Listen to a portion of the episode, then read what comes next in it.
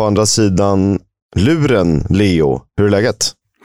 Ja, men det är bra. Eh, det är mycket fotboll de här veckorna och det är inte för att det är så mycket Championship, även om det var det den här gången. Det är för att det är, nu är det Champions League-veckor också, så jag, jag, jag, vet inte ens vad jag tittar på eller pratar om längre, men det ska nog gå bra.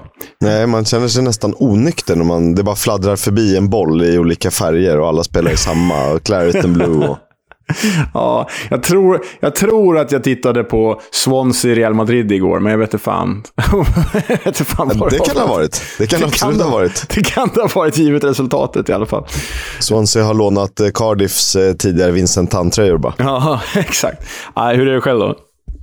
Ja, det är ungefär samma, men eh, jag behöver inte jobba så mycket eh, kvällar som du behöver göra, utan jag kan ju njuta av fotboll. Det var synd att det inte var någon tv-sänd eh, match igår.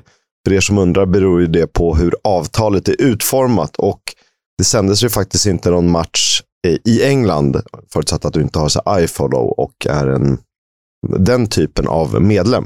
Eller hur? Mm, nej, exakt så. så eh, ja, det var ju, eh, inte för att det påverkade mig så mycket när jag jobbade i Champions League, men exakt så. Det är ju störigt för alla de som eh, vill kolla på en Championship-match igår, förstås. Vi är ju några stycken. Ett mm, par, tio, tolv. Tusen.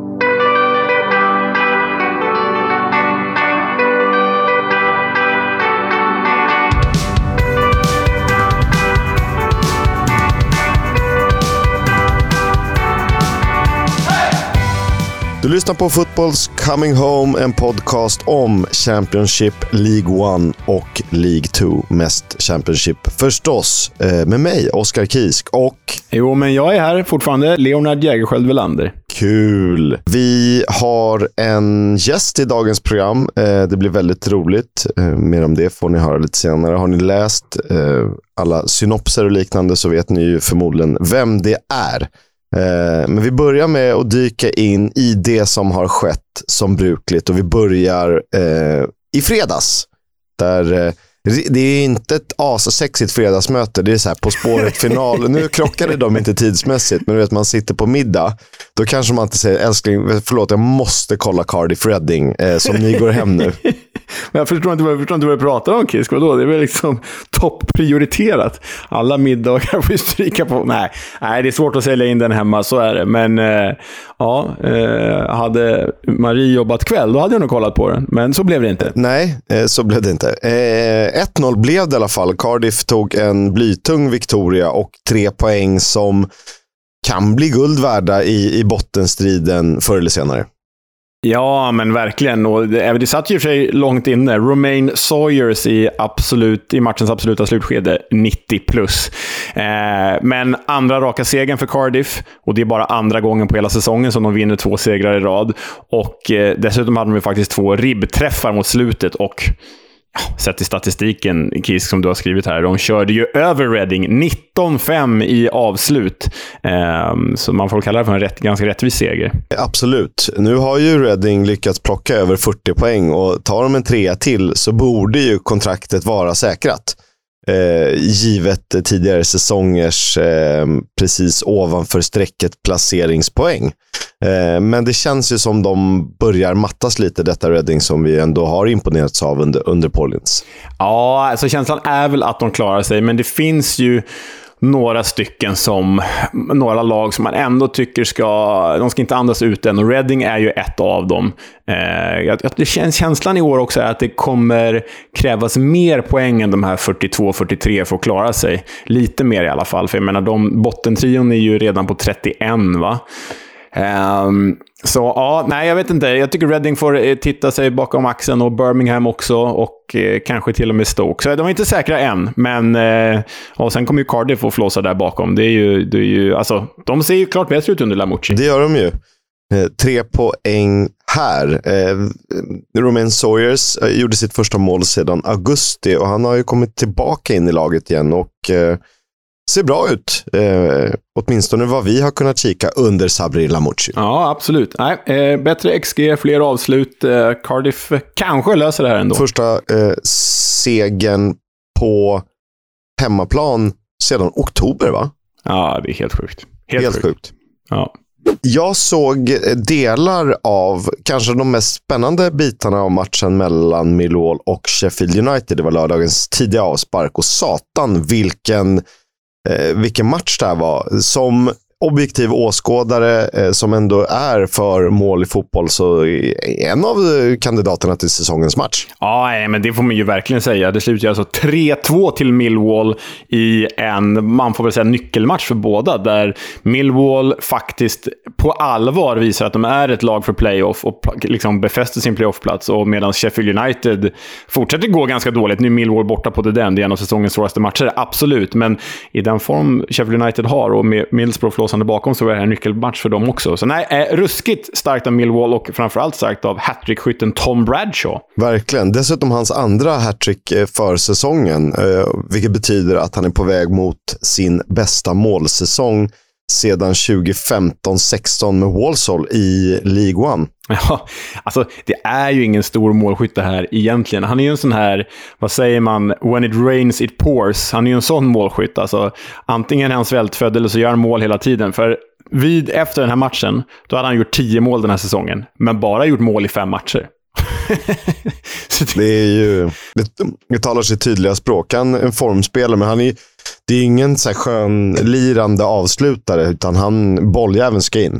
Verkligen, den ska in. Här är ju, var ju ett avslut han fullkomligen dundrade in där vid närmsta stolpen. Så, nej, det, det, men ändå är inte han så stor från de snyggaste målen, för det gjorde ju faktiskt Sheffield Uniteds Tommy Doyle och James McAtee. Det är två riktigt pärlor till mål. Frisparken av Doyle och McAtees tvåfotare i straffområdet. Ja, det är det. Eh, två skickliga fotbollsspelare, så att, eh, det är inte så konstigt att de gör snygga mål. Men jag, jag fortsätter alltid fastna i den här offensiva fyran som Millwall har, har som kanske offensivt leds av Sian Fleming. Eh, åtminstone bara med sin blotta närvaro. Så har de ju Fogelsammer som faktiskt noteras för två målgivande passningar.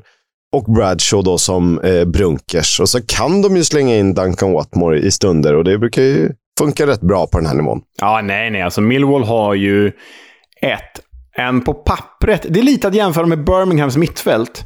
På pappret ett mycket bättre lagdel än vad man tror att de har och än vad de kanske borde ha. För Millwall brukar inte ha så här bra offensiv, absolut inte under, under Gary Rowett. Så nej, det, det, det är klart underskattad lagdel. Kanske seriens mest underskattade lagdel, Millwalls offensiv. Ja, om vi får räkna in offensiva mittfältare plus anfallare. Eh, för absolut. bakåt är de ju tråkiga eh, på ett sätt som de ska vara. Eh, det ska inte vara något sex och flärd i, i Millwalls back backlinjen. Liksom. Det. Nej, men de får ju också den uppskattningen för att liksom, det är ett Gary Rowett-lag. Så den, den uppskattningen får de då. Så nej, det är en bra spaning där tycker jag. Starka tre poäng, Millwall på playoff. Det spelas lite veckomatcher, så vi summerar tabellen sen, eh, yes. helt enkelt. Eh, Blackburn, Swansea 1-0 och för andra matchen i rad gör Rovers mål i 89 minuten. I veckan blev det en poäng, här blev det tre poäng hemma mot Swansea. Daniel Ayala matchvinnare. Ja, och eh, det är ju liksom... Blackburn man vill ju räkna ut dem, eller vill vill man inte, men man, det känns ju som att man bör räkna ut dem i, i, i toppen, men inte då. För alltså, nu är det ett sent avgörande här, 89 minuten. Det är ju andra sena poängen i, i rad för Blackburn. Alltså, i, tidigare i veckan så räddade de ju poäng i slutet och här säkrar de då tre poäng eh, med segern. Och sju raka utan förlust för Rovers, det är ju, det är ju en jävla grej ändå. Ja, eh, och de, deras säsong går ju lite i sjok. Eh, de börjar jättebra, eh, blir jättedåliga, eh, sen börjar de kryssa. Nu är de på en liten positiv bana, givet den här matchen och, och veckoinsatsen. Ja, nej men det är de ju. Och, alltså, tittar man på deras målskillnad och tittar man på spelet och tittar man på de underliggande siffrorna, XG, så ska de ju inte vara där de är. Men det är något oerhört imponerande, oerhört imponerande här. Och det som är ännu mer imponerande eh, med, med just den här matchen, det var ju bollinnehavet. Swansea 50. Blackburn 50. Det är otroligt ju. Och Blackburn känns ju som det laget som skulle kunna vinna den här matchen. Och ändå så här, vi hade 22 procent bollinnehav. Verkligen, verkligen så. Swansea är eh, helt okej okay i första halvlek, eh, men de är en, ändå inte riktigt nära att ta sin blott andra seger mot Blackburn på över 100 år. Mm. Ja, det, det är ett jäkla tråkigt facit för Swansea får man ju säga. Sen beror det ju på olika divisioner, ja vi fattar. Men ändå, eh, alla de här roliga nuggetsarna kommer vi att fortsätta dra. Verkligen. Vi håller oss kvar i Lancashire. Ett annat Black, nämligen Pool, tog emot Stoke. Eh, vann också hemma med 1-0. Fan, det var, var det den bästa övergången du har gjort under de här ett och ett halvt åren? håller oss kvar i Lancashire, där ett annat Black, nämligen Pool. Ah, riktigt stark kisk. Det där, det där är en nominering till Kristallen, bara den ju. Oj, oj, oj. Ja, då avslutar vi recordingen här och så går vi och hämtar prisen. Från black till black, från burn till pool. Ja, nej, riktigt fin var den. Ja, hur som helst, detta Blackpool slog ju Stoke med 1-0. Ian Poveda, målskytt, den tidigare Leeds-spelaren. Och det var ju ett eh, riktigt skitmål, tar ju på en Stoke-försvarare på vägen in. Ja, och eh, ibland ska man ha flyt. Det kan man ha i bottenstriden. Eh, för eh, i övrigt är Stoke totalt dominanta. Eh, det är faktiskt ett under och några svettiga Chris Maxwell-räddningar mellan att Blackpool lyckas ta de här poängen. Att de ens tar poäng överhuvudtaget hade varit ett eh, smärre mirakel. Ah, ja, nej, alltså det är ju avsluten. Blackpool 7, Stoke 25.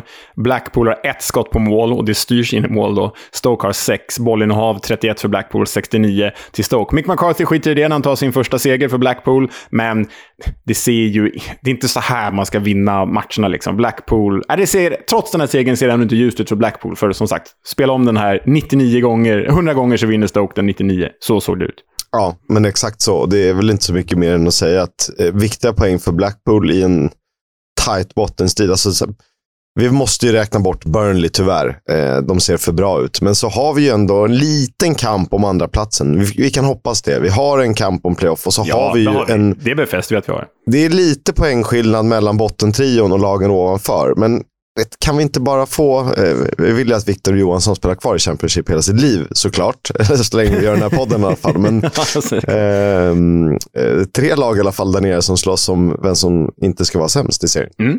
Och ett av dem ska vi prata om nu. Eh, Huddersfield tog emot Birmingham på hemmaplan. Lyckades också ta tre starka poäng i helgen. Ja, men det är väl klart de gjorde det, för det här var ju Neil Warnocks första eh, match sen comebacken.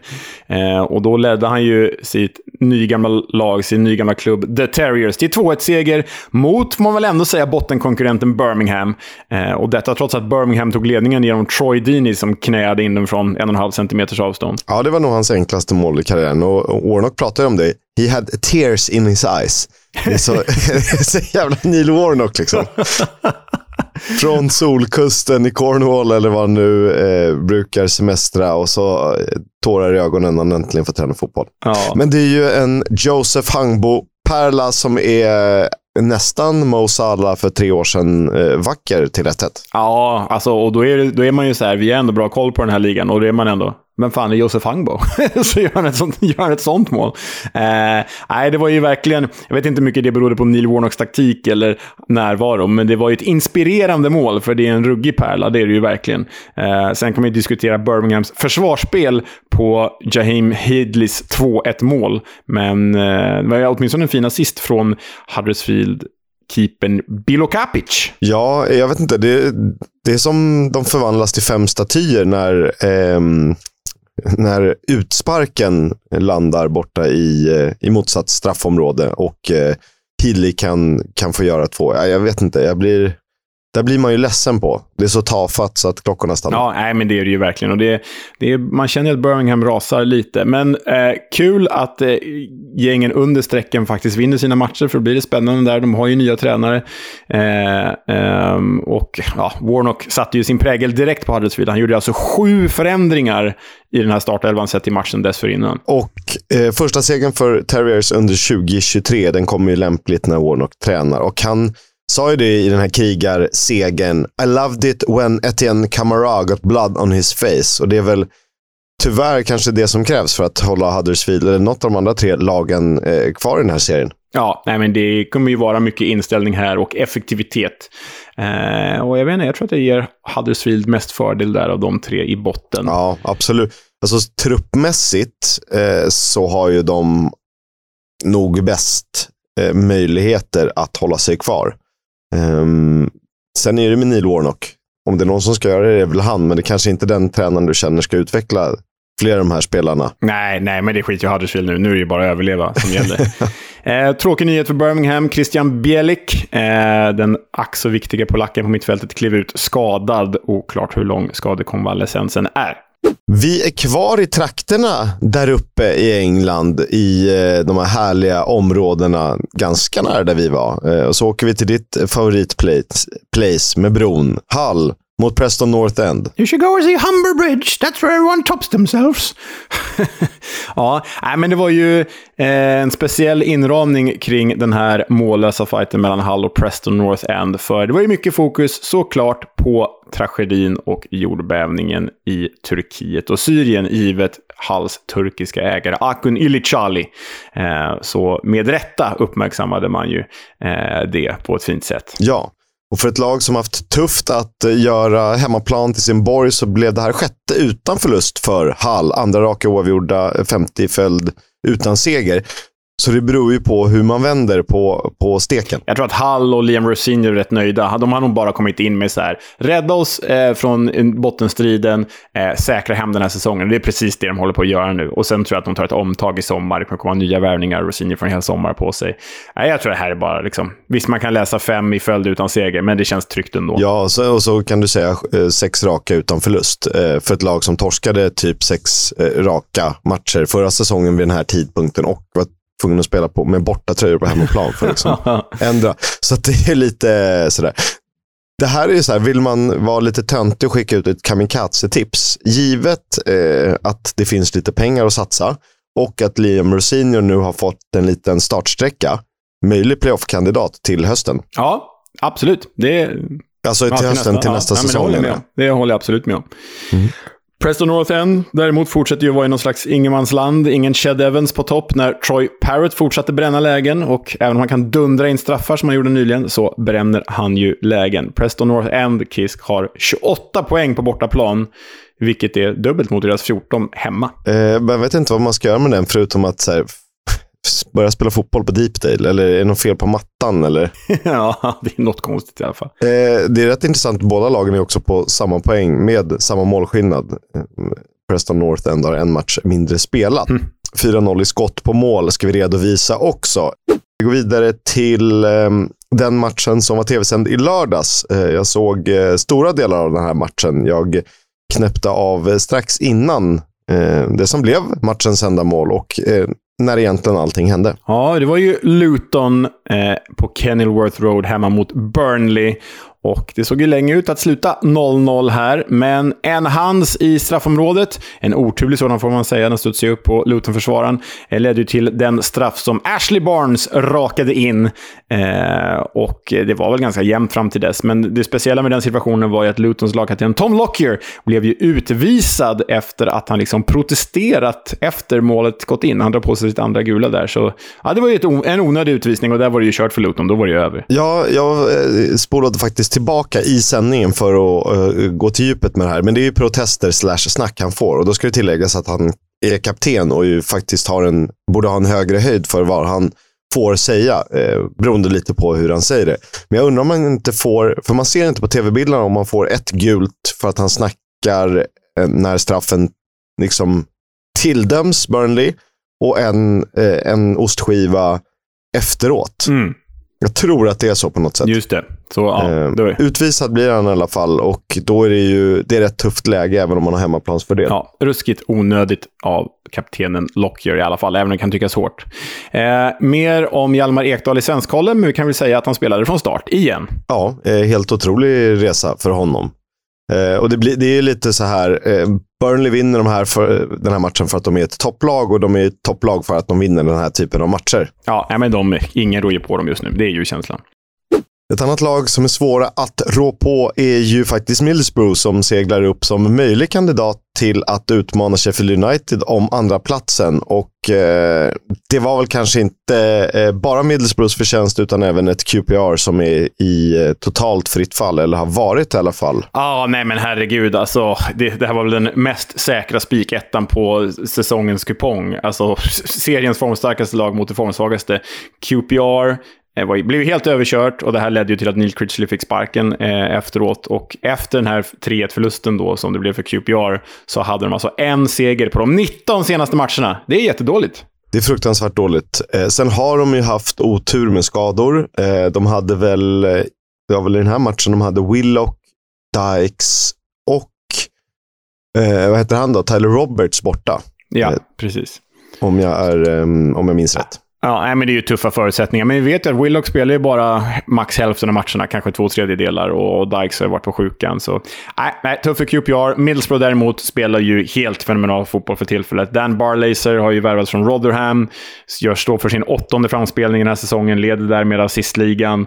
Och, och sen Shuba Akpom lyckas, och, lyckas med bedriften att bränna straff och ändå göra två mål den här matchen. Så nej, Middlesbrough är ju eh, ofantligt bra för tillfället. Eh, så som eh, tabellen ser ut nu hade man nästan önskat att det var tre direktplatser och att playofflagen får, eh, jag vet inte, singla slant om vem som kan få en eh, playoffplats garanterad nästa säsong. ja, nej men alltså, jag, det är väl lätt att säga när ena laget går väldigt bra och andra går dåligt, men eh, min känsla, trots att det finns en buffert för Sheffield United, en ganska stor buffert ändå, men min känsla är ändå att eh, Middlesbrough kommer knipa den andra platsen. De, de eh, spelar, de är bäst, de är bättre än Burnley just nu skulle jag säga. Skulle de möta Burnley nu så skulle Middlesbrough kunna ta dem. Det är väl de enda som kan göra det. Ja, för att Burnley har blivit, det är lite som att eh, först var det tiki-taka, sen var det eh, kriga, eller liksom ta poäng och nu har det blivit mer att de ser inte trötta ut, det ska man inte säga. Men eh, det är som att han försöker lära dem hur det, hur det funkar att spela fotboll i olika eh, skeden av en säsong. Ja, men hur vi säkrar matcher liksom och, och vi spelar på lite lägre växel och vinner ändå. Ja, Absolut. och om vi talar offensiva fyror. ehm, de har ju Cameron Archer på topp, Shuba Akpom bakom där, eh, så som de ställer upp det. Som McRee och Aaron Ramsey på varsin kant. Det är ju inte heller jättedåligt när man har Nej. Dan Barlaser och Hayden Hackney bakom.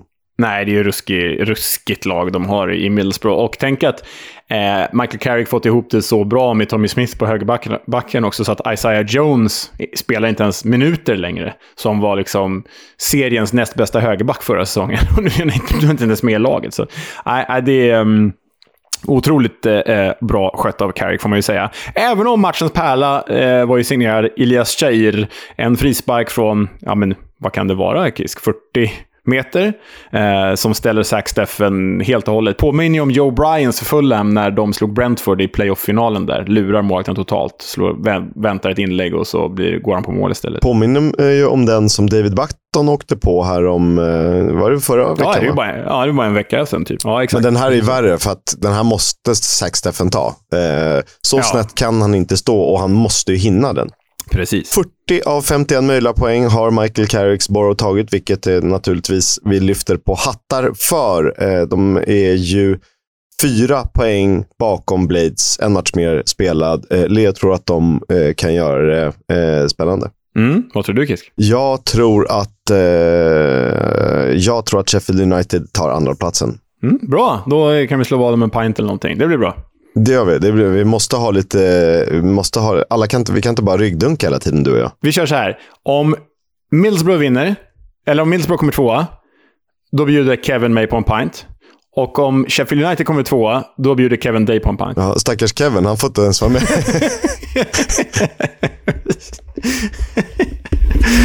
Ah, låt oss säga så här istället. Leo, om Burnley vinner Championship, då bjuder du mig på en Rattler. Och om Burnley avancerar till Premier League, så bjuder du mig på en Rattler-kisk. Okej? Okay? Sehr schön. Eh, skämt åsido, vi får väl kolla playoff-finalen ihop och göra det till en tradition. Och eh, ja, eh, så bjuder den som eh, förlorade helt enkelt. Perfekt. Från eh, Sheffield är steget inte långt till Rotherham. Eh, det har ju vi själva bevittnat. De spelade i helgen. Tuff, eh, tuff dag hemma mot Coventry. Ja, det blev ju 0-2 eh, i denna svensk duell. Viktor Johansson och Viktor Gyökeres. Vi kan väl spara just det mer till svenskkollen. Men eh, vi kan väl i alla fall säga att Viktor Gyökeres gjorde mål och att Viktor Johansson inte höll nollan. För det blev ju 2-0 till Coventry här på New York Stadium. Eh, två raka segrar, två raka nollor för Coventry. Och Rotherham enda laget i helgen i bottenfemman som förlorade, så det var ju tungt för dem. Naturligtvis eh, väldigt, väldigt tungt. Det har de inte riktigt råd med, men det handlar ju om hur man följer upp en förlust, som en så klok tänkare en gång sa. Eller hur? Yes. Jag vet inte vad han hette.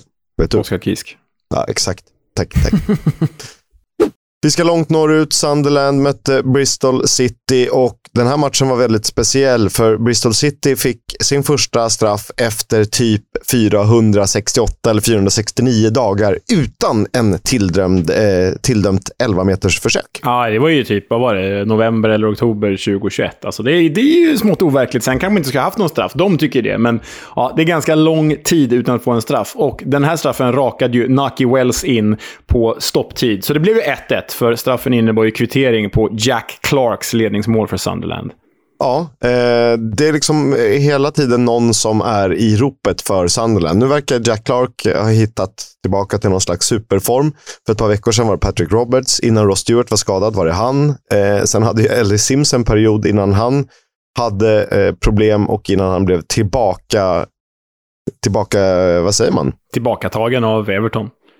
Tack. Återkallad. Inte tillfångatagen, för det är något helt annat. Återkallad. Ja, äh, sen den riktigt speciella eh, eh, grejen med den här matchen, och den har väl ni sett redan, ni som följer oss på sociala medier, men det var ju att Sunderlands härliga jäkla knäppjök, Luke O'Nine, deras nummer 13, eh, tog ett riktigt roligt gult kort. Han springer ju kapp eh, Alex Scott i Bristol City och hoppar upp på ryggen på honom som en ryggsäck och rider, vad säger man, piggyback på engelska. Eh, varpå båda garvar då, främst Luke O'Nine. Men eh, det gladde mig att liksom Luke O'Nine fick känsla att rida ranka på River Ware. Det tyckte jag var kul. rida ranka på River Ware? det är väl det. River Ware är väl Sunderland, det är det ju. Vi kan ju lyssna på kommentatorerna. De också, tycker också det är ganska roligt. Might be a break on now from Bristol City. Luke O'Nine's riding on the back.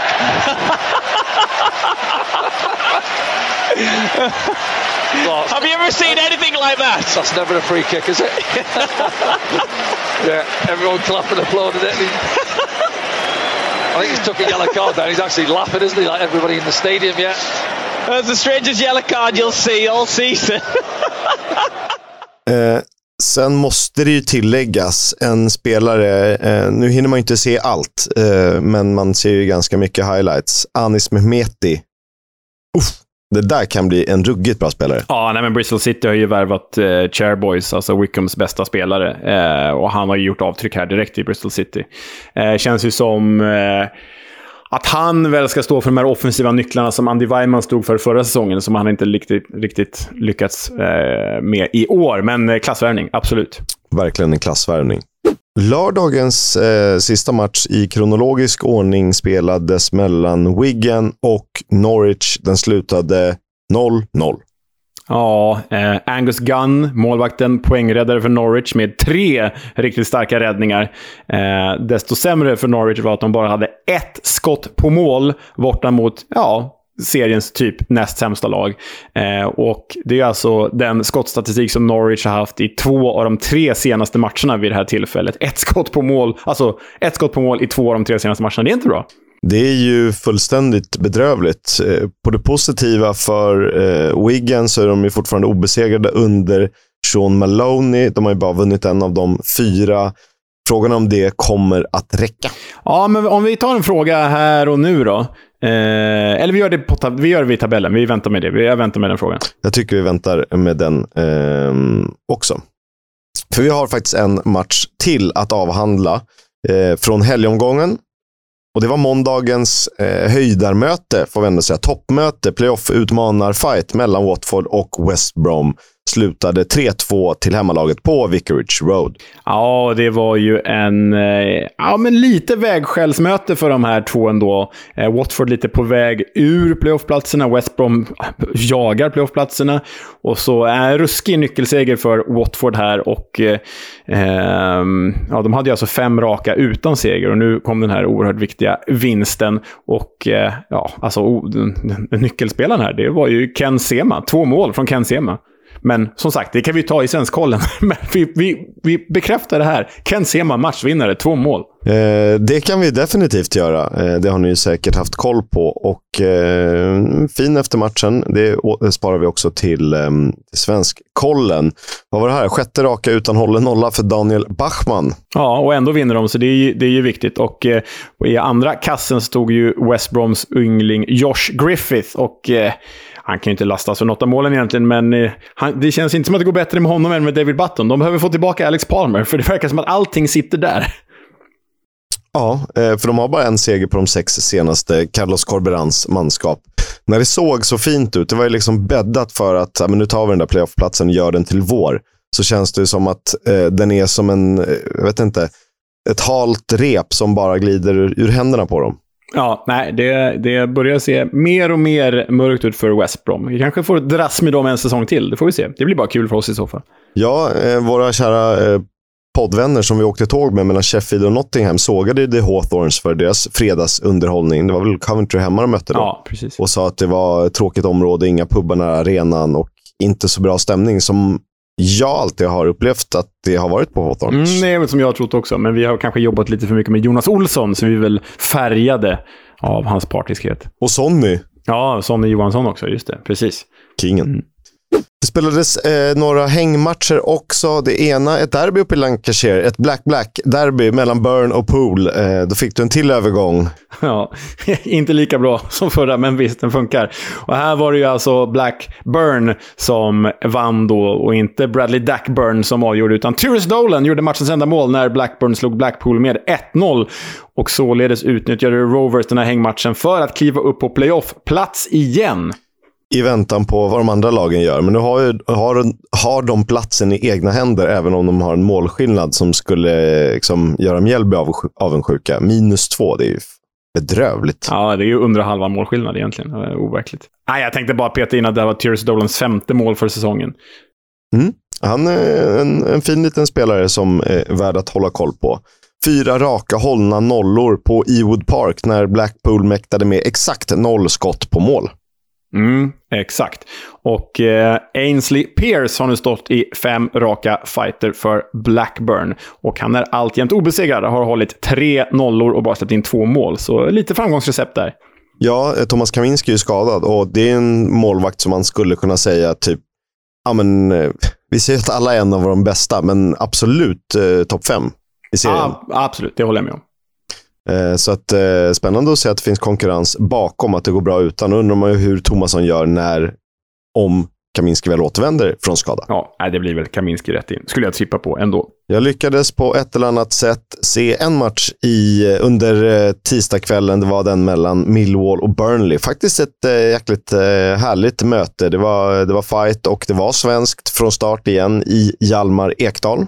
Mm, det var det ju eh, för Burnley. Dock lyckades eh, Hjalmar inte se till att eh, hans gäng höll nollan, även om de tog ledningen. För matchen slutade som sagt 1-1 och det var Ashley Barnes som gav gästande The Clarets ledningen i, början i andra halvlek. Hans eh, mål för andra matchen i rad då. Men Tom Bradshaw ville inte vara sämre, så han gjorde också mål eh, för andra matchen i rad. Eh, kvitterar med fem minuter kvar. Den här gången som inhoppare faktiskt. Mm.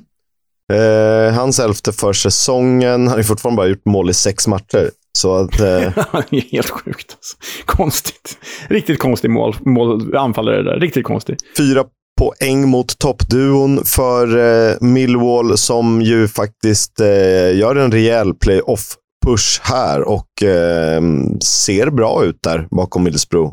Det, Ja, nej, men det gör de. Det, jag blir inte förvånad om, om eh, Millwall eh, faktiskt eh, klarar den här playoffplatsen. Vi satt ju med ganska länge förra våren och sa att de skulle kunna nå playoff. Det blev inte så till slut, men det här känns som ett mer gediget Millwall. Liksom både lite bredare och spetsigare, trots att de tappat Jed Wallace. ersatt på helt rätt sätt. Eh, jag tycker att Burnley var rätt Eh, sen, eh, det ska tilläggas, det här kanske är den svåraste bortamatchen i hela serien, givet att Burnley eh, eh skulle vara den andra. Men för Burnley är det den svåraste bortamatchen. Eh, det är inte roligt att åka till The Den och spela fotboll, särskilt inte när motståndarna nu helt plötsligt kan spela fotboll. Men jag tycker att de är lite väl avvaktande. Eh, sen har de också varit bra på att hålla ledningar, så att det är väl en, en uttalad taktik från Companys gäng. Ja, men ja, allt som allt är de nog ganska nöjda med poäng här. Alltså, så länge de, de, de ut, bara alla poäng utökar avståndet till ett eh, konstant förlorande Sheffield United numera. Exakt. Eh, Norwich var tillbaka på, på segerbanan igen. Starka 3-1 hemma mot Birmingham. Mm, och framförallt var vår favorit tillbaka i målprotokollet. Marcelinho Núñez, denna eleganta chilenska mittfältare som tog oss med storm där i typ augusti, början av september och som sen har petats när Norwich har fallit fritt. Nu gjorde han två strutar, varav den första, ja, det är en kandidat till säsongens mål. Det är en hörna som nickas ut och han kommer direkt på volley och dundrar in den i bortre stolpen. Riktigt härlig balja ju. Ja, det är superbt. Ni hittar det eh, via vårt Twitterkonto också, EFL-podden. Det jag skulle kalla det en riktig 90-talsträff, alla Eurogoals. ja, verkligen. Matt Letizier-bana på bollen. Äh, riktigt fint är det. Riktigt, riktigt fint. Ehm, de var inte helt trygga ändå, Norwich. Maxim Collins reducering för Birmingham tog ju faktiskt Blues in i matchen och Blues var nära att kvittera innan greken Christos Tsiolis avgjorde på ett fint sätt för The Canaries. Vilket otro otroligt generiskt eh, grekiskt namn. Christos Tsiolis. en region på Football Manager-namn. Absolut. Tredje raka förlusten för Birmingham och de är ju ish indragna i bottenstriden. Ehm, det kan ju QPR vara också om man så vill, men eh, de är ju där nere i alla fall. Ja, nej, men det, det är de ju. Um, vi ska prata lite. Jag ska ställa en fråga till dig när tabellen kommer där. Vi återkommer. Eh, Rotherham tog en väldigt, väldigt viktig seger efter förlusten i helgen när de besegrade Sunderland hemma med 2-1. Det är ju en hatt av. Ja, Sunderland är ju ett av seriens bättre lag för tillfället. Och starkt av Rotherham som inför den här matchen då bara hade en seger på de tolv senaste. Mycket kryss där dock. Eh, men eh, Victor Johansson från start och bar binden under matchen, så det var ju kul. Lagkapten. Och eh, en av våra många favoriter från resan, eh, Ollie Rathbone, gjorde mål. 1-0 för Rotherham. Det gillar vi ju. Som ju, som ju inledde matchen som kapten, Rathbone alltså. När han gjorde målet hade han bilden och sen fick ju eh, vår kära Viktor ta över den lite senare. Exakt. Joe Gellharts första mål för Black Cats till eh, en reducering efter att Shane Ferguson eh, på ett ganska snyggt sätt, eh, båda de två eh, Rotherham-målen var ju snygga, hade utökat Första förlusten för Sunderland på sex matcher satte lite käppar i hjulet för playoff-pushen. Ja, men de har ju ändå häng på det, så vi, vi, får väl se där hur det går. Rotherham nu med fem pinnar ner till det förhatliga nedflyttningsstrecket. Stoke lyckades med konststycket att lämna bottenstriden åtminstone tillfälligt efter en eh, klar seger borta mot ett Swansea som är i fritt fall. Ja, men det är det ju. Det var ju 3-1 till Stoke här, trots att Swansea tog ledningen redan efter två minuter. Eh, man kan ju diskutera om Russell Martin sitter löst, eller om det är snarare så som han själv har insinuerat, att han kanske lämnar klubben, givet att han inte kommer överens med ägarna och det är protest, fanprotester och, och gud vet allt. Ja, så nej, det är ett tufft läge för Swansea. Verkligen. Eh, kapten Josh Lawrence första ligamål för The Potters och då passade han på att göra två mål, en kvittering och ett, eh, ett 2-1 mål innan Louis Baker fastställde 3-1 på stopptid. Josh Lawrence som vi mest kommer ihåg som en drömmålsmaskin från eh, Reading förra säsongen. Ja, precis. Listen, Swindon. Sweden. It's a country you tool. Viktor Johansson stod 90 plus 90 minuter. Han spelade både i lördags och under tisdagskvällen. Han gjorde fyra räddningar i båda matcherna. Betyg 6,62 respektive 7,31 från Who Scored. Ja, det blev förlust i svenskfighten mot Viktor Gyökeres, men han är ju alltjämt säsongens bästa målvakt hittills i The Championship enligt Husgård. Eh, om vi pratar om målvakter som faktiskt eh, får stå eh, regelbundet. Han får ju ingen större hjälp av försvaret eh, på målen eh, i eh, matchen mot Coventry. Eh, sen får han ju faktiskt agera kapten. Han avslutade åtminstone med binden mot Sunderland och han, då befäste han sin position som etta bland första målvakterna i serien. Totalt har han gjort 129 räddningar. Det går att jämföra med Daniel Bachmans 95 och Freddie Woodmans 84. Det är ju eh, ett hiskeligt avstånd ner. Så är det. Han som gjorde mål på Victor Johansson, Victor Gyökeres, spelade ju en match under den här perioden. Eh, 90 minuter spelade han, gjorde ett mål då och fick 7,25 av Who Scored. Varnad målskytt och vinnare i den här Victor-kampen alltså, när han fastställde slutresultatet till 2-0.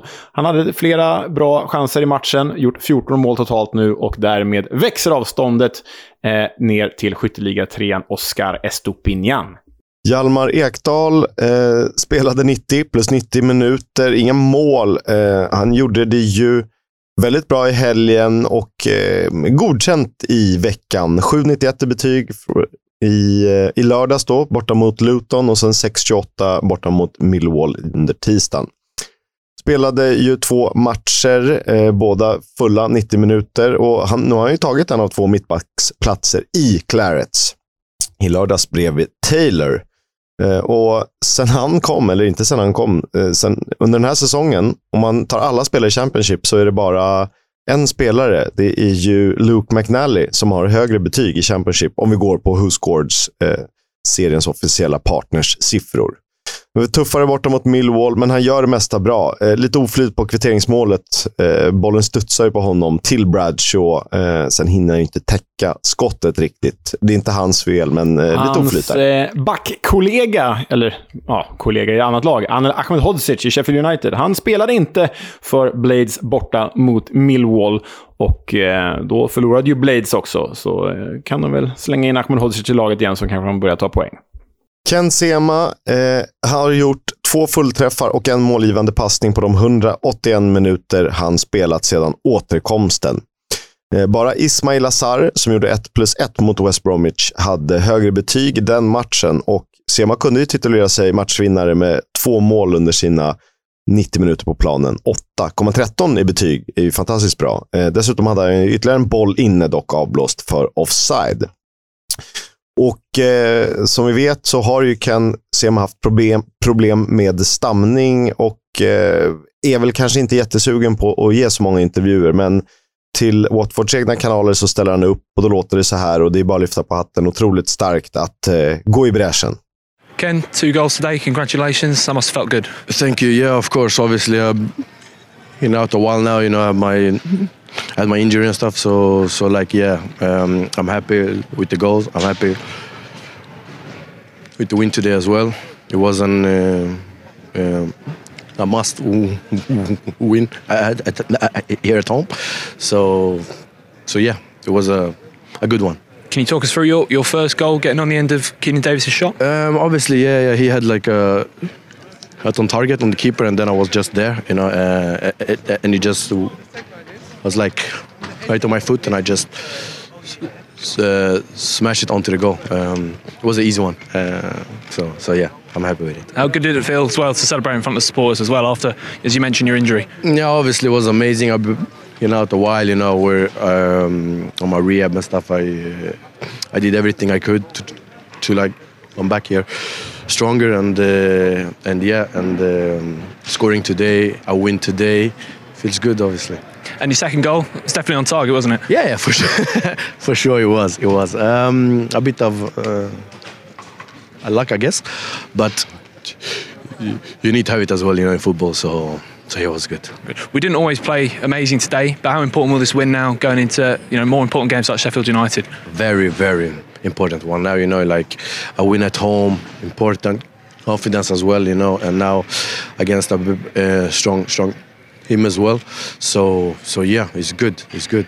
Brilliant. Top man Ken. Thank Cheers you. mate. Thank you so much. Jag tycker det här är en liksom härlig intervju på många sätt. För dels är Ken Sema alltid väldigt sympatisk när man ser och hör honom tala. Och dels fick ju den här intervjun alltså vingar. Den har ju haft mil över miljoner tittare och har ju spridits av folk, stora profiler inom fotbollen, stora profiler utanför fotbollen, där människor liksom i England har eh, sagt att, eh, eh, ja, men som du sa nu Kisk, att eh, Ken Sema är ett föredöme här som, som eh, trots att han stammar, eh, går ut och, och, och gör sådana här intervjuer. Och han hyllades av Carlos Corberan, alltså den motståndartränare han sänkte med sina två mål, gick ut och hyllade honom för vilket, vilket personligt föredöme han är och vilken förebild han är.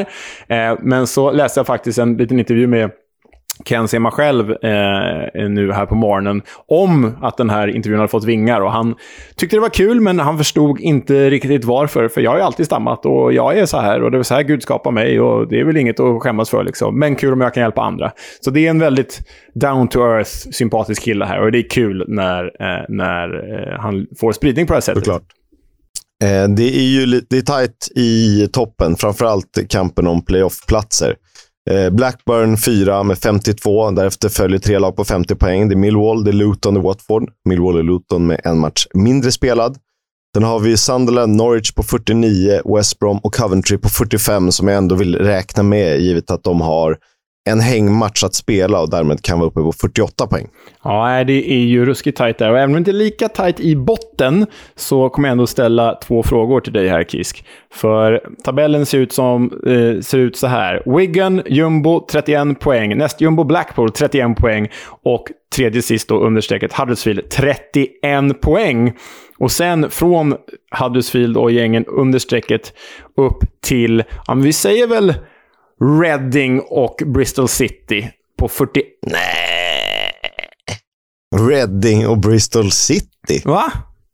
De har ju spelat en match mindre, men okej, du får säga dem. Det skiljer 10 poäng. Ja, det, men det är det jag ska säga. Det skiljer 10 poäng, men det är ändå 10 matcher kvar. Reading faller. Alltså, Bristol tror jag inte vi räknar in i det här ändå, men de har ju samma poäng som, som Reading och Reading faller och de här gängen har nya tränare där under. Jag räknar i alla fall in Reading i någon slags potentiell fara här och därav mina två frågor.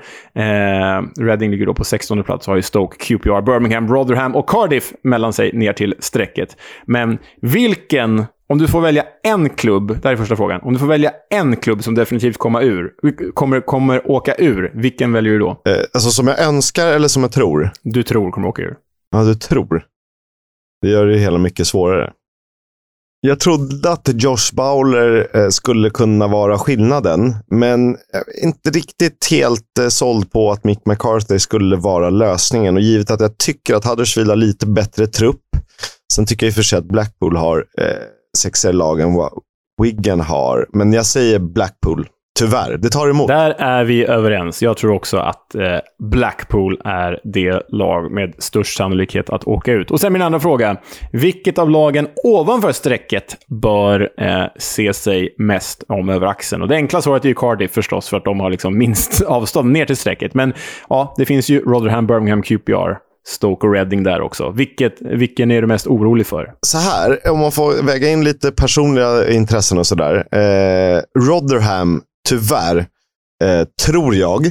Samtidigt har de några enskilda eh, faktorer, typ Olly Rathbone, Connor Coventry, Grant Hall och framförallt Victor Johansson som gör att det kan nog fasen ändå gå för dem.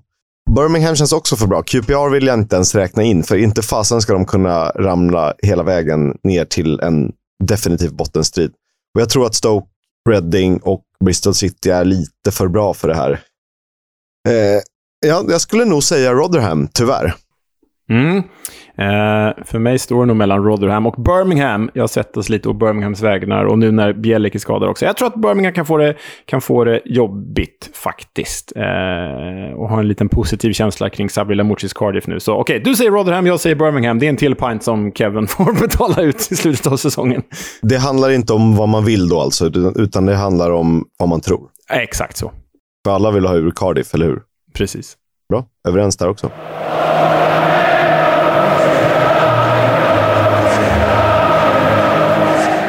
Fotbolls Coming Home sponsras av Stryktipset, ett spel från Svenska Spel, Sport och Casino. För dig över 18 år. Ja, vad är det Holmgren säger? Alltid kryss i match 13 eh, den här veckan mellan West Bromwich Albion och Middlesbrough. Fram till för ett par veckor sedan var det här ligans mest formstarka möte, men eh, Boroughs Carrick, eh, eller Carricks Borough har ju gått segrande ur den duellen med Carlos Corberan.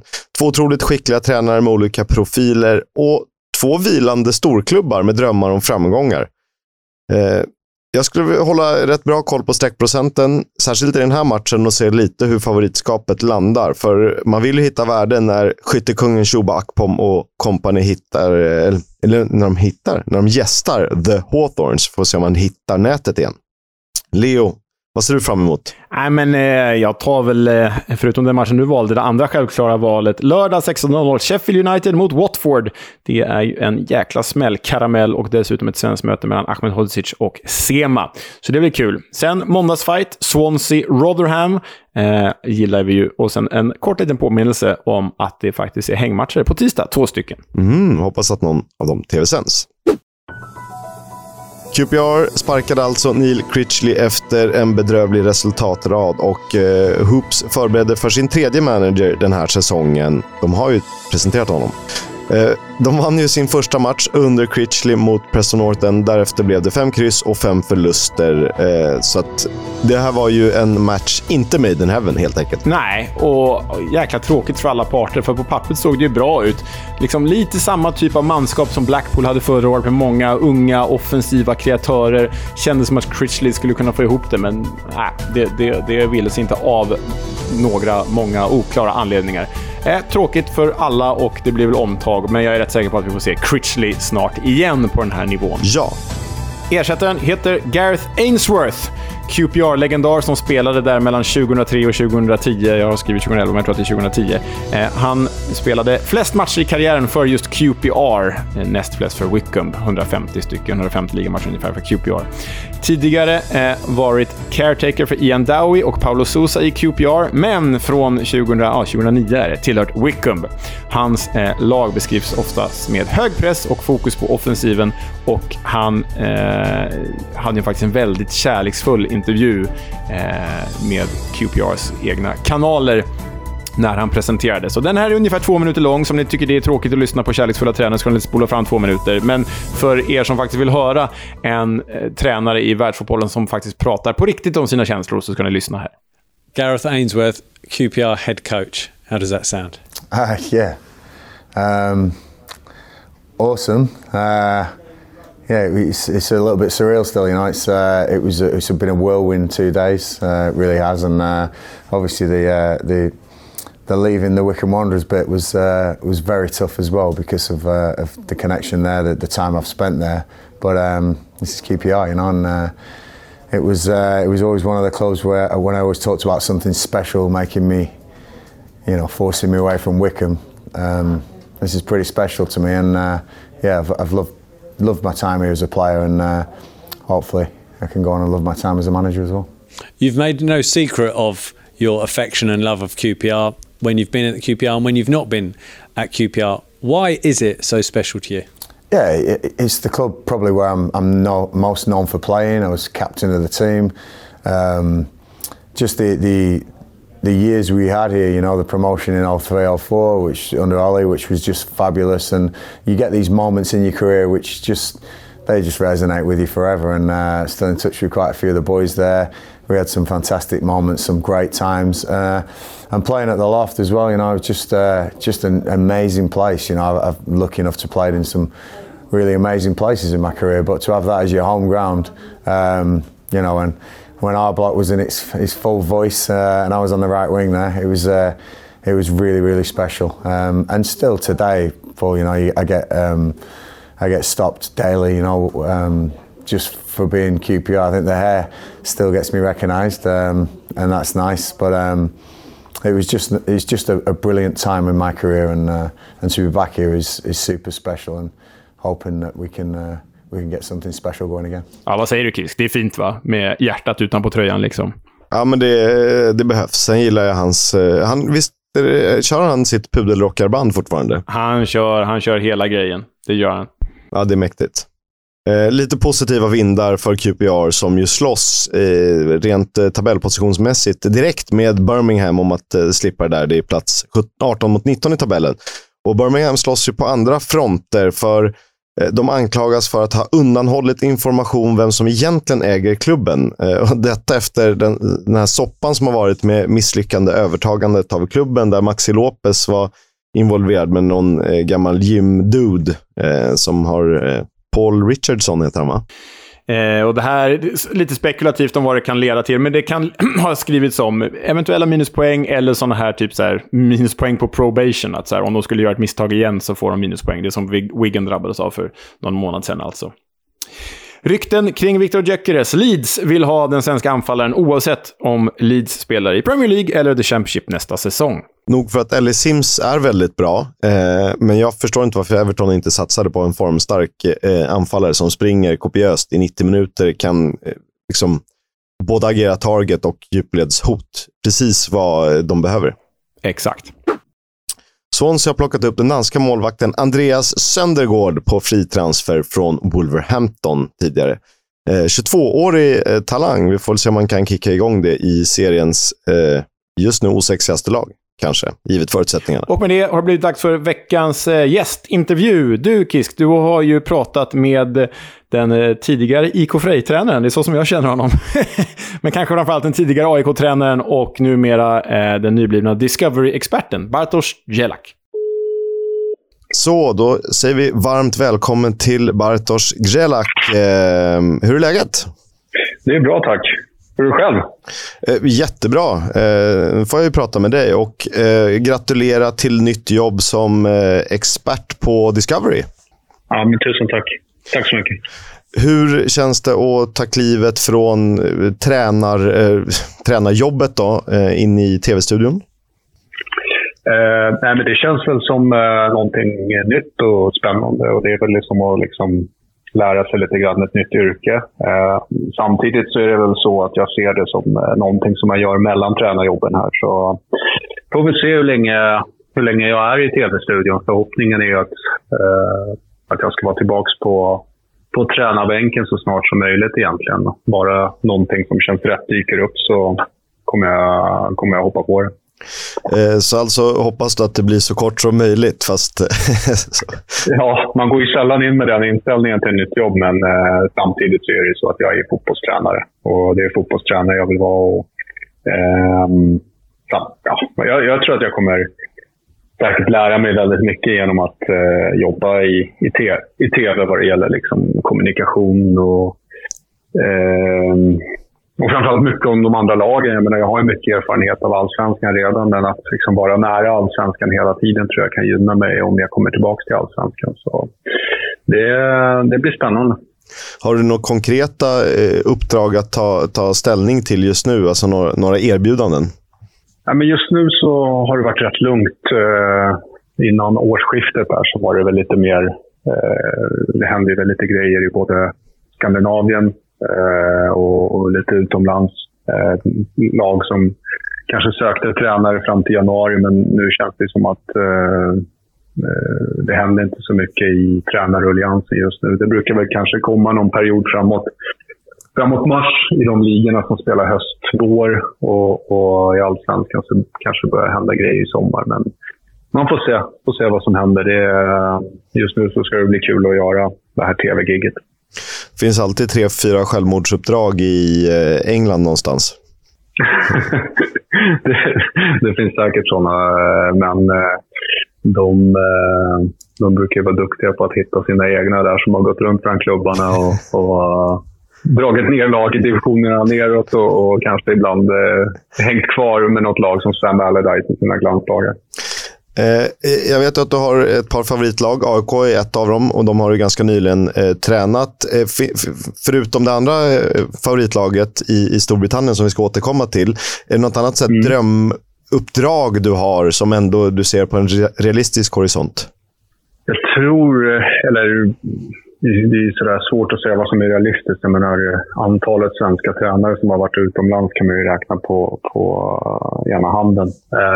Men Ja, jag tycker att det hade varit skithäftigt om man någon gång skulle få chansen eh, att träna ett lag på, eh, i England eller eh, ja, framförallt i engelska ligasystemet. Sen på vilken nivå, eh, det vet jag inte. Men eh, vad som är realistiskt. Vi har ju haft några som har gått från allsvenskan till England sista åren. Men Poja Asbaghi gick ju till Barnsley och Jon Dahl Tomasson som för, förvisso har ett stort namn från sin spelarkarriär är ju Blackburn just nu. Så, där, så, så det är väl inte helt orealistiskt, men då ska man nog eh, lyckas med ett par uppdrag till utanför eh, de brittiska öarna innan man tar det steget. Så känns det. Och, och på tal om att du då nämner Storbritannien som en eh, drömdestination, så du har ju en eh, kärleksam barnsben till Wrexham som ju är särskilt i ropet just nu. Ja, precis. Nej, men eh, Rexham har jag mm, hållit på sedan jag var... Jag började spela Championship Manager, som det hette då. Och eh, man följde liksom, tabellerna på söndagar, typ i söndagstidningen. Så, eh, menar, det var en helt annan tid att följa engelsk fotboll. Um, och så fastnade jag för det här laget med ett X i mitten. um, och när Championship Manager kom, ja, men då typ att jag bara spelade för Wrexham hela tiden. eh, jag var lite så besatt av Wrexham. Jag menar, skrev Wrexham överallt och liksom inte klottra, det, ska man inte uppmuntra till, men, men klottra ner mina skolböcker med Wrexham överallt. Så det, var, ja, det har alltid legat mig varmt om hjärtat. Eh, men du, du sitter inte och kollar nu, eh, trots eh, nya rika ägare och sånt? Jo, men jag, jag, sitter ju och jag följer den här serien mm. och, och, det blev ju såklart, bara den här serien dök upp i ens flöde så blev det ju... Jag visste ju om liksom, med nya ägarna och allting, men när den här serien dök upp så det kändes det ju liksom overkligt att ett lag som jag egentligen bara har sett innan det eh, en gång på tv, att det nu liksom blev en tv-serie. Eh, för det är ju inte så att man liksom, i svensk tv har kunnat se Rexham vecka ut vecka in. Utan det är, jag, jag såg dem en match typ runt 96. Eh, så ehm, ja, det är typ det enda jag har sett dem. Men nu har det blivit betydligt mer med liksom, senaste årens framgångar och fa Cup-framgångarna man har haft nu. Då. Så det har ju varit kul. Det har varit kul. Eh, som jag förstod hade du inte varit där och kikat på Racehorse än. Eh, däremot har det ju varit en hel del i eh, Storbritannien, främst England och eh, provspelat. Eh, Chelsea bland annat. Eh, ta oss igenom det. Ja, ja men jag blev ju seniorspelare liksom under den tiden när Bosmandomen kom. Och jag var väl eh, hyfsad, hyfsad fotbollsspelare, i alla fall juniorlandslagsman och så. så eh, när Bosmandomen kom där och man kunde liksom byta klubb bara man var utan kontrakt så dök det upp en del där förfrågningar när man var juniorlandslagsman. Och ett av dem var ju att få komma över till Chelsea och eh, provspela. Så jag var där på ett superlångt provspel. Jag, fyra veckor var jag där. Eh, och spelade lite matcher och sådär, både med juniorlaget och B-laget. Och det var ju precis i den perioden som Chelsea Liksom, eh, Abramovic hade inte klivit in där än, men det här är 96. Det är Ken Bates som är, tror jag, ordförande då. Um, och de hade ju precis börjat satsa där med ja, gamla storspelare som Rod Schüllit och Sola. Det var ju där bland annat. Um, det var, Glenn Hoddle var tränare för laget och när han inte tränade A-laget så gick han ner till oss i juniorerna och var med på tvåbollsspelet. Um, så det var liksom häftigt att få spela med några av, ja, kanske några av världens bästa spelare för tillfället. Då, Så det var, det var coolt. Men det blev ingenting. Jag de var väl eh, intresserade av att eh, skriva kontrakt, men samtidigt så tror jag de hade typ 35 spelare i juniorlaget på kontrakt och jag kände att eh, det kanske inte var liksom att de ville satsa på mig utan kanske bara ja, eh, få in en till spelare i juniorlaget, vad vet jag. Men det kändes inte så liksom, aktuellt. Utan skolan här hemma och, och att gå upp i AIKs A-lag här hemma kändes som ett bättre alternativ. Eh, eh, fantastisk eh, berättelse om alla spelarna där. Det blev ju fler provspel, visst var det så? Scarborough bland annat. Ja, men precis. Sen eh, när, när eh, jag eh, liksom blev seniorspelare här hemma och kanske var typ i 19-20 års åldern så kände man väl ändå att där, jag har alltid varit anglofil och fascinerad av engelska, engelsk fotboll och sådär. Så så när man fick erbjudande om att åka upp till Scarborough, som låg då i eh, League 2 eh, på ett provspel, så kändes det bara självklart. Och, så jag packade väskorna och drog dit och var med eh, i deras verksamhet en vecka. En match eh, spelade jag. Eh, spelade träningsmatch mot Sheffield United. Jag tyckte personligen att jag var skitdålig och skämdes över min insats. Men managern ville att jag skulle vara kvar någon vecka till. Men var det lite så jag hade börjat jobba här hemma i Stockholm och kände att eh, jag kunde inte ta mer än en vecka för att vara, vara över där på något osäkert provspel. Så där. Det är faktiskt ett beslut jag ångrar än idag, att jag inte ändå blev kvar. Eh, fantastisk miljö uppe i Scarborough att spela fotboll så där. Så det, det var synd att man var ung och dum. Man kanske skulle haft lite bättre rådgivning runt omkring. Eh, otroligt häftigt. Du berättade om det här att du ser det som en anglofil. Var kommer du ifrån? För jag tänker att det inte är Championship Manager med Rexham. Nej, men det, det är som många andra i min ålder. Jag menar, man tittade ju på... Det var ju bara engelsk fotboll på tv. Eh, då, med Tips Extra eh, och allt det. Eh, och var man intresserad av fotboll då och följde tabellerna och sådär så så, så blev man, kunde man ju alla, alla lag i, i seriesystemet. Eh, så det började, det, det började väl där. Det, liksom det var, nu, nu kan man ju sitta och se spansk, italiensk, portugisisk, all möjlig fotboll på helgerna. Då kunde man ju se en match klockan fyra på lördag. Eh, efter att allsvenskan har tagit slut. Eh, så, så det var... Ja, men jag liksom prenumererade på de här tidningarna som var där, 442, Goal och de här tidningarna. Liksom. Jag läste ju allt om engelsk fotboll och, och sådär. Så det, det föll sig naturligt på något sätt att det blev så.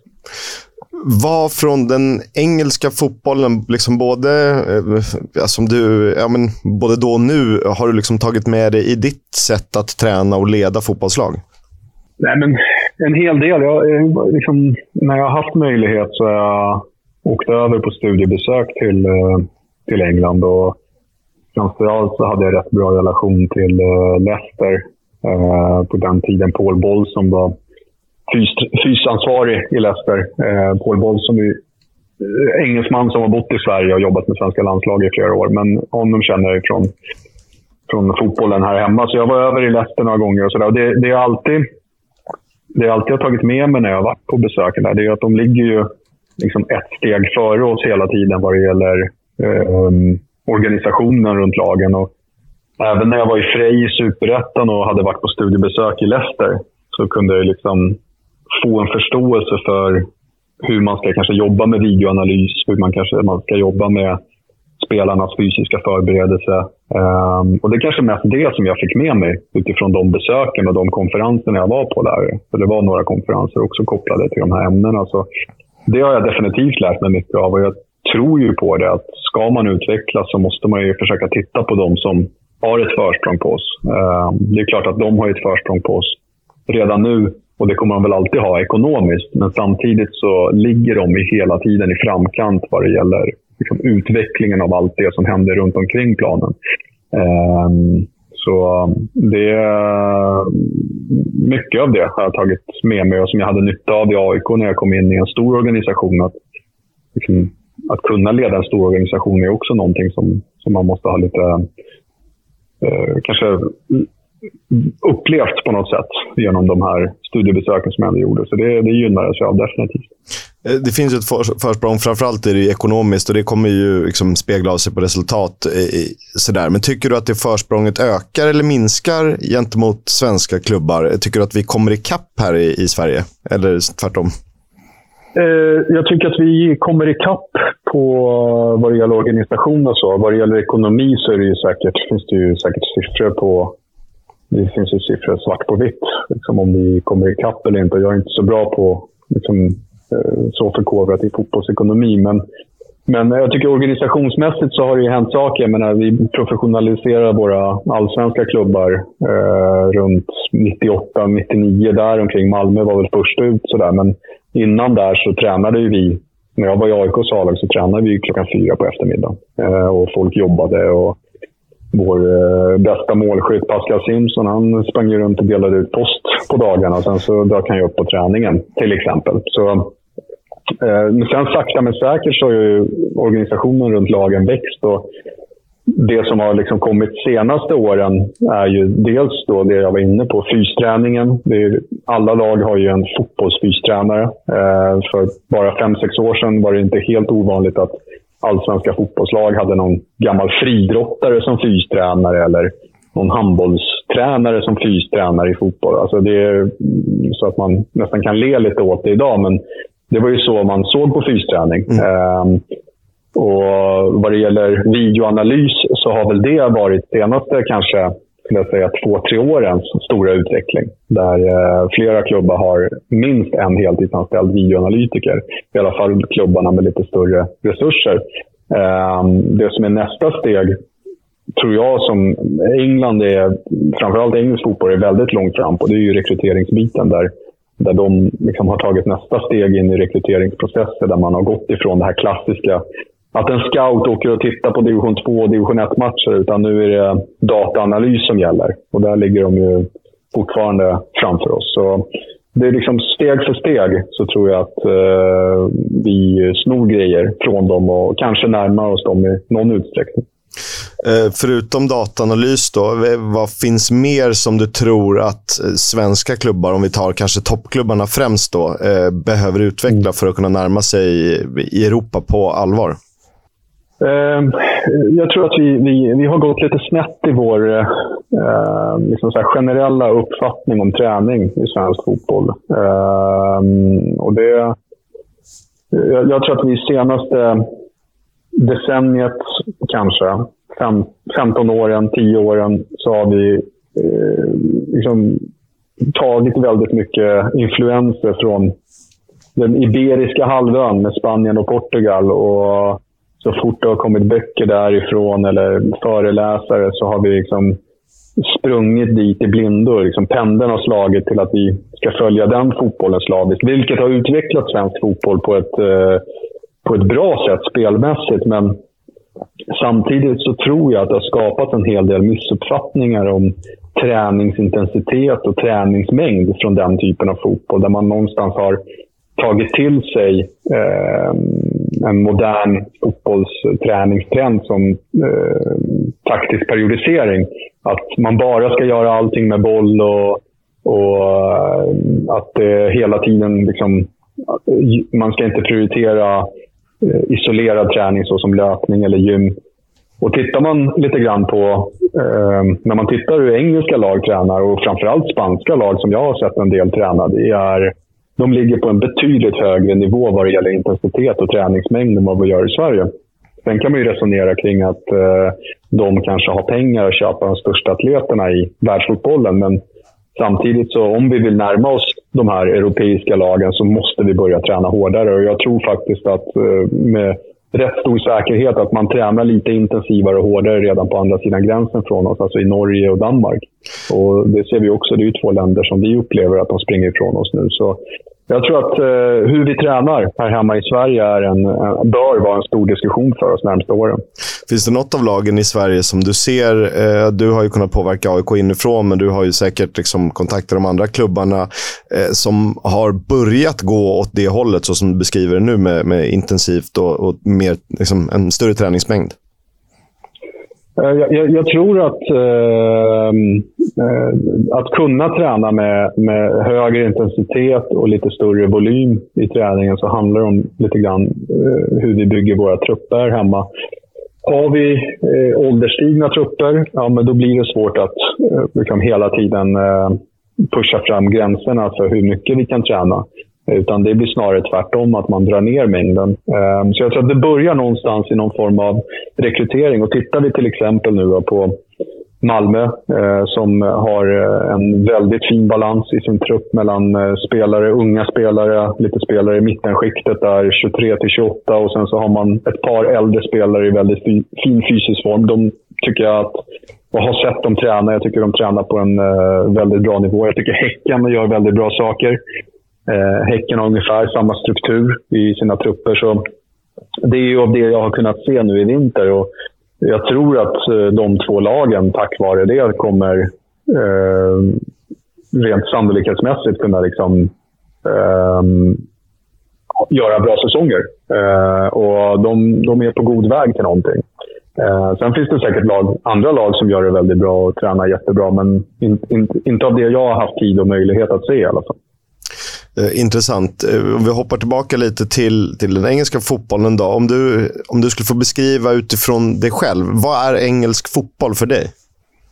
Eh, engelsk fotboll för mig just nu är eh, en mix av allt det bästa eh, inom fotboll. Jag tycker att eh, även om man kan sitta och titta nu på en Premier League-match som kanske är Eh, låt säga att Wolverhampton, som har många utländska spelare, spelar mot eh, Fulham. Så, och, och, som också har många utländska spelare, så, så, så, kan man ju ändå se att den engelska fotbollen med de här klassiska egenskaperna som tempo och intensitet och den här eh, eh, viljan att offra sig i varje duell finns kvar. Men man har ju lagt till eh, de här influenserna från, från eh, södra Europa i sin fotboll med, med väldigt stor portion av taktiskt kunnande. Ehm, de bästa tränarna jobbar i Premier League. Ehm, med en eh, anfallsfotboll som, som är inte traditionellt engelsk så som vi kommer ihåg den från uppväxten där man liksom spelade gärna direkt från backlinjen upp till forwards. Utan man spelar mer efter marken. Och på något sätt så har engelsmännen lyckats liksom sno det bästa från hela, hela världen men ändå behålla sin identitet. Och, och det är väl det som fascinerar mig mest. Och det är därför jag kanske hellre sitter och kollar på en Premier League-match än låt säga en La Liga-match. Så, eh, jag tycker att det är fascinerande hur de har lyckats med det. Mm. Eh, du har ju varit runt en del i England. Eh, om du fick välja liksom en arenaupplevelse, eller en matchupplevelse kan vi säga, både arena och utanför område, så där. vilken skulle du eh, hålla högst?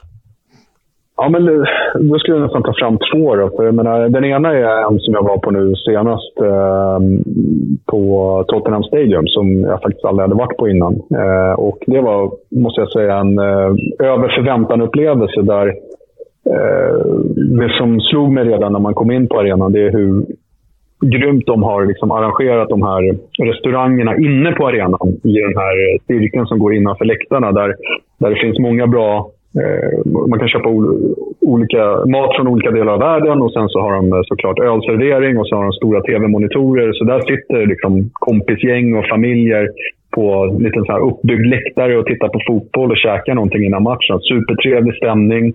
Inte alls så mm, plastigt och för kommersiellt utan de har verkligen lyckats fånga någonstans lite sådär engelsk kultur, pubkultur inne på arenan. Och sen själva arenan i sig är ju mäktig. Så det var faktiskt en eh, fem plus-upplevelse. Och sen en arena som jag har åkt mycket till är uppe i Glasgow. Eh, till Firhill eh, som är eh, hemmaarena för eh, Partick Thistle.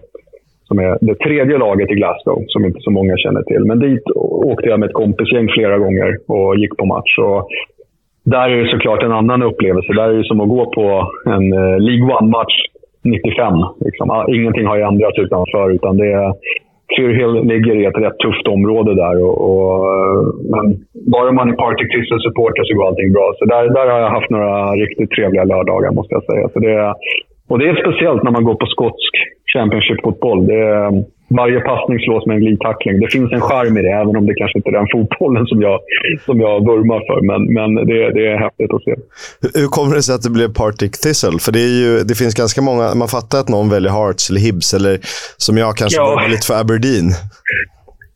Ja, det är ju lite roligt när man är i då. Så kanske man är på krogen kvällen innan matchen så frågar folk varför man är där. Så säger man “I'm here for the big game”. Och då klurar de ju på om Celtic eller Rangers spelar dagen efter. Men då kanske man ska gå på Partick Thistle Dundee United eller något sånt. Uh, nej, men det, det var kompisgänget som, som eh, jag hängde med där som hade eh, av en slump åkte upp till eh, Glasgow. För det var den enda matchen. Det var liksom någon helg de var i England och det var den enda matchen som skulle spelas någon specifik dag där. Så de åkte upp dit och så fastnade de där på ett sätt. Och det gänget åkte tillbaka dit eh, 20-30 gånger medan eh, jag hängde väl på ett par gånger av dem. Och vi skapar lite tillsammans och vi lite vänskapsband med några supportrar där som, vi, som jag faktiskt fortfarande har kontakt med. Och de de har ju varit över i Sverige när jag var tränare i Frej och gått på våra matcher och sådär. För de tycker att det är häftigt att liksom komma till eh, Vikingavallen medan vi tyckte det var roligt att åka till Firhill. Så, så äh, men de är härliga. De är liksom i åldrarna från eh, 45 till den äldsta tror jag är 85 som har varit med jäkligt mycket. Så när han sitter och drar gamla cook-stories med Partick Thistle så, så sitter man tyst och lyssnar. Men eh,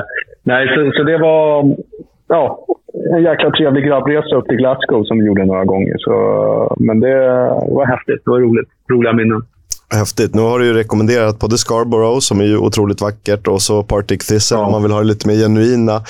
Eh, slutligen då, vi pratar ju mest om eh, Championship och serierna eh, neråt. Vi har fem svenska spelare i Championship som alla på ett eller annat sätt, ja, jag räknar in Anel Ahmedhodzic, för han är ju fortfarande född i Malmö, men de gör det väldigt bra på sina positioner.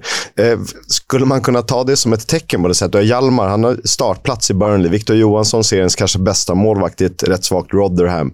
Eh, Anel då, som mm. jag nämnde, given som en av de bästa mittbackarna i serien hittills. Ken Sema, eh, delad assistliga, eller ja, två i assistligan. Då. Eh, mm. Vad, vad ska man säga om det? För det är ju ändå rätt fascinerande att fem svenskar kliver in och dominerar. Och så Gyökeres, nämnde du honom? Ja, exakt. Gyökeres som är två, ja. skytteliga ja. två, du ser. Ja, men precis. Nej, men eh, vad ska man säga? Jag tror att eh, alltså, Championship som liga är ju en, eh, en av Europas större ligor. Eh, det får man ju faktiskt säga utifrån både, inte bara ekonomi och antalet människor som kommer till arenorna, men också tv-intäkter. Och, um, så, så har jag tolkat det. Och sen, fotbollen som spelas där har ju också gått framåt, så jag är jäkligt imponerad över, över eh, de här lite yngre svenska killarna som har slagit igenom där. Och, när jag, jag har ju faktiskt haft förmånen att träna eh, Viktor Anell och eh, eh, Gyökeres i, eh, i u landslaget eh, Och ja, Det är klart att redan då såg man att det är talangfulla spelare. Men, och de har ju tagit den långa vägen allihopa på något sätt. Jag menar, Viktor var ju, Gyökeres var ju i eh, Brighton först och var på lite utlån i, i Tyskland. Och Anell har ju varit i Bordeaux tror jag. Och Viktor Johansson har ju varit, liksom, tagit den långa vägen via lite olika utlåningar där i, i England. Han började väl lätt, har jag för mig. Och det är imponerande. Jag tror att det som förenar de killarna eh, är ju deras pannben. Att, liksom, de, har, de har lyckats att slå sig in där i, i eh, får jag ändå säga, engelsk toppfotboll. För det är ändå vad Championship är för mig. Eh, Premier League är ju någon form av eh, världsfotboll. Liksom. Ja, Eh, Premier League är nästan en, en superliga som det är. Ja, exakt. Och, och, och Championship blir ju någonstans den engelska ligan, inom situationstecken. Liksom. Det, är, det är ju den engelska ligan där, där många spelare kommer igenom. Och, och det är en extremt tuff liga. Jag menar, jag kommer ihåg att jag pratade med Björn Hamberg när de hade precis, han och Graham hade tagit över Swansea och, och, och frågade vad är den stora skillnaden. Och han sa ju den, den absolut största skillnaden är att du inte har någon tid alls att träna mellan matcherna. Utan det är bara i princip eh, recovery och sen in och leverera nästa match. Um, så det är en jäkligt speciell liga och sen får man ju liksom lägga på såklart liksom lite kuppspel och, och allt det där. Så, så spelar de ju nästan ofta var tredje dag. Um, så de, de killarna vi pratar om här, det är liksom förutom att som jag nämnde att de har pannben och så, så är de ju fysiskt uh, liksom jäkligt väl förberedda. Det såg man ju redan i unga år att, att de har det. Så, så jag är extre, extremt glad varje gång jag, jag ser dem. Förutom när Anel gjorde mål mot Wrexham här så, så har jag alltid gillat Anel. Ja, det gäller ju att kroppen håller också, för vissa skador kan man ju inte styra över. Och då, då kan säsongen vara över och karriären vara över om man har lite, lite oflyt tyvärr. Ja, ja precis. Eh, liksom, ta i trä så, så, så har de väl klarat sig hyfsat de här eh, grabbarna. Men eh, det är ju det är som du säger, det, det smäller ju rätt friskt i den här ligan. Och, och, och än så länge så, så har de klarat det. Jag hoppas verkligen att det är så. att vi får Och jag tror att vi kommer se alla tre högre upp. Eh, det, det är jag helt övertygad om. Jag tror, man kan ju tänka sig att en, en Gyökeres snart landar i Premier League, att en Hjalmar Ekdal går upp med sitt Burnley och att Victor Johansson får ett rätt eh, hyfsat kontrakt. Och då har du dessutom Anel och Ken Sema, som ja, har ju redan spelat Premier League och Anel har ju eh, visat sig på högsta nivå. Ja, Hjalmar har ju alla förutsättningar. Han har ju spelat för Frej. Ja, det var det jag tänkte. det- Du, han måste ju, du måste ju ha haft honom, va? Nej, han kom ju precis efter att jag lämnade Frej och gick till AIK. Eh, Så Hjalmar... eh, ja, Jag har faktiskt aldrig tränat Hjalmar. Ja, det är därför han är så bra Eh, nu, men- eller? Han har- då hade han redan spelat i Premier League. Men, men eh, han, får ta, han får ta den långa vägen nu. Nej, ja, men eh, jag, jag har ju spelat mycket mot Hjalmar. eh, Både när jag liksom varit assisterande i, i, i AIK. Sen var jag, när jag var assisterande i U21 så var Hjalmar en av spelarna vi tittade på. Då, och då var han inte riktigt redo. Men jag, föl, jag har ju följt honom alla, alla de åren. Eh, och såklart när jag har varit som huvudtränare i AIK så har vi spelat mot Hjalmar. Men han har ju ett... Eh, oerhört imponerande sätt att klättra hela tiden upp på nästa nivå och hålla sig kvar där och blicka mot nästa höjd. Eh, liksom, när man har följt Hjalmar så har han ju aldrig riktigt sådär, tycker jag, stuckit ut ur mängden. Men han har hela tiden liksom anpassat sig till nästa nivå och eh, gjort det bra. Och sen så tar han nästa utmaning som Burnley och så gör han det bra där också. Så jag blir ju jäkligt spänd på att se hans eh, närmsta framtid här. För det, det ska bli kul att följa honom. Ja, och, samtidigt ser det ju inte ut som han är en, en typisk liksom, eh, karriärsklättrare, om vi får använda det även i, i fotbollssammanhang, utan han ser ganska eh, eh, eh, alltså, reda ut för den här nivån han är på nu på något sätt. Ja, precis. Eh, och han är inte så... Han skiljer sig rätt mycket från, från, från eh, liksom karaktärsmässigt när man observerar. Jag känner inte alls honom, men karaktärsmässigt när man observerar honom så, så är ju han en spelare som har ett väldigt positivt kroppsspråk gentemot sina lagkamrater. Så jag förstår ju att han alltid har haft någon form av ledarroll. Liksom. Det, är, det är en kille som aldrig liksom, eh, kastar ut armarna och, och, ska visa hela publiken att lagkamraten gjorde någonting dåligt. Utan han är ju den... Han är ju som, för att dra en gammal engelsk eh, sån här... De som kommer ihåg Colin Henry, ja. mittbacken, skotsk mittback. Han var ju sådär att han han jagade alltid bollen in i nätmaskerna liksom, när han skulle försvara mål. Det liksom, man såg alltid Colin Henry ligga i nätmaskerna efter ett insläppt mål. För han, han trodde in i det sista på att han skulle kunna rädda bollen från att gå över mållinjen.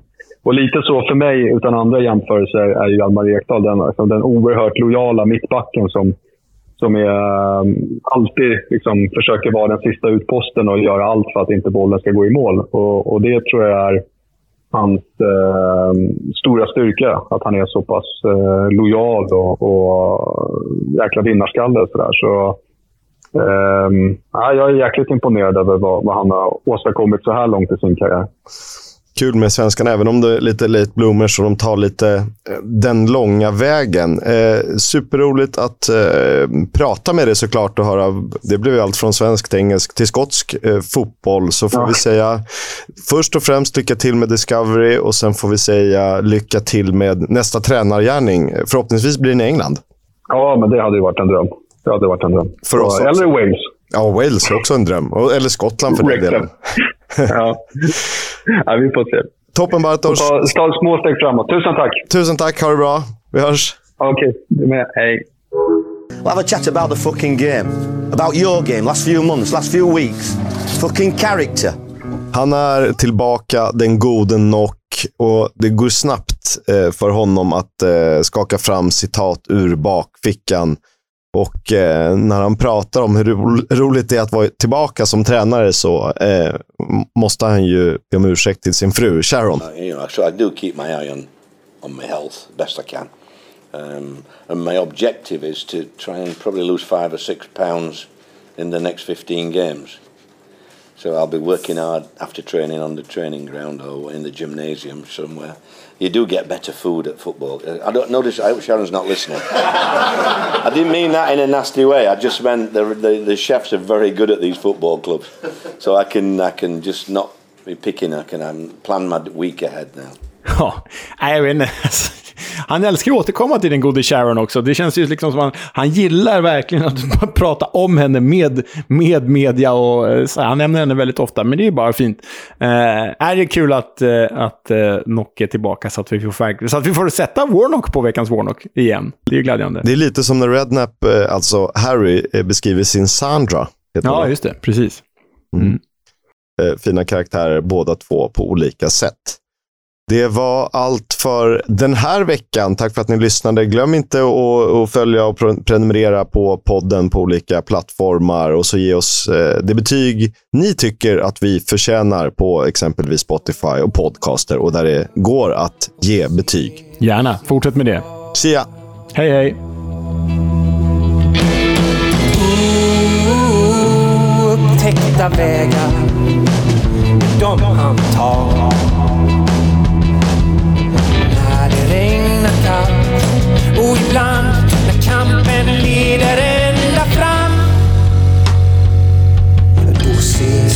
ses vi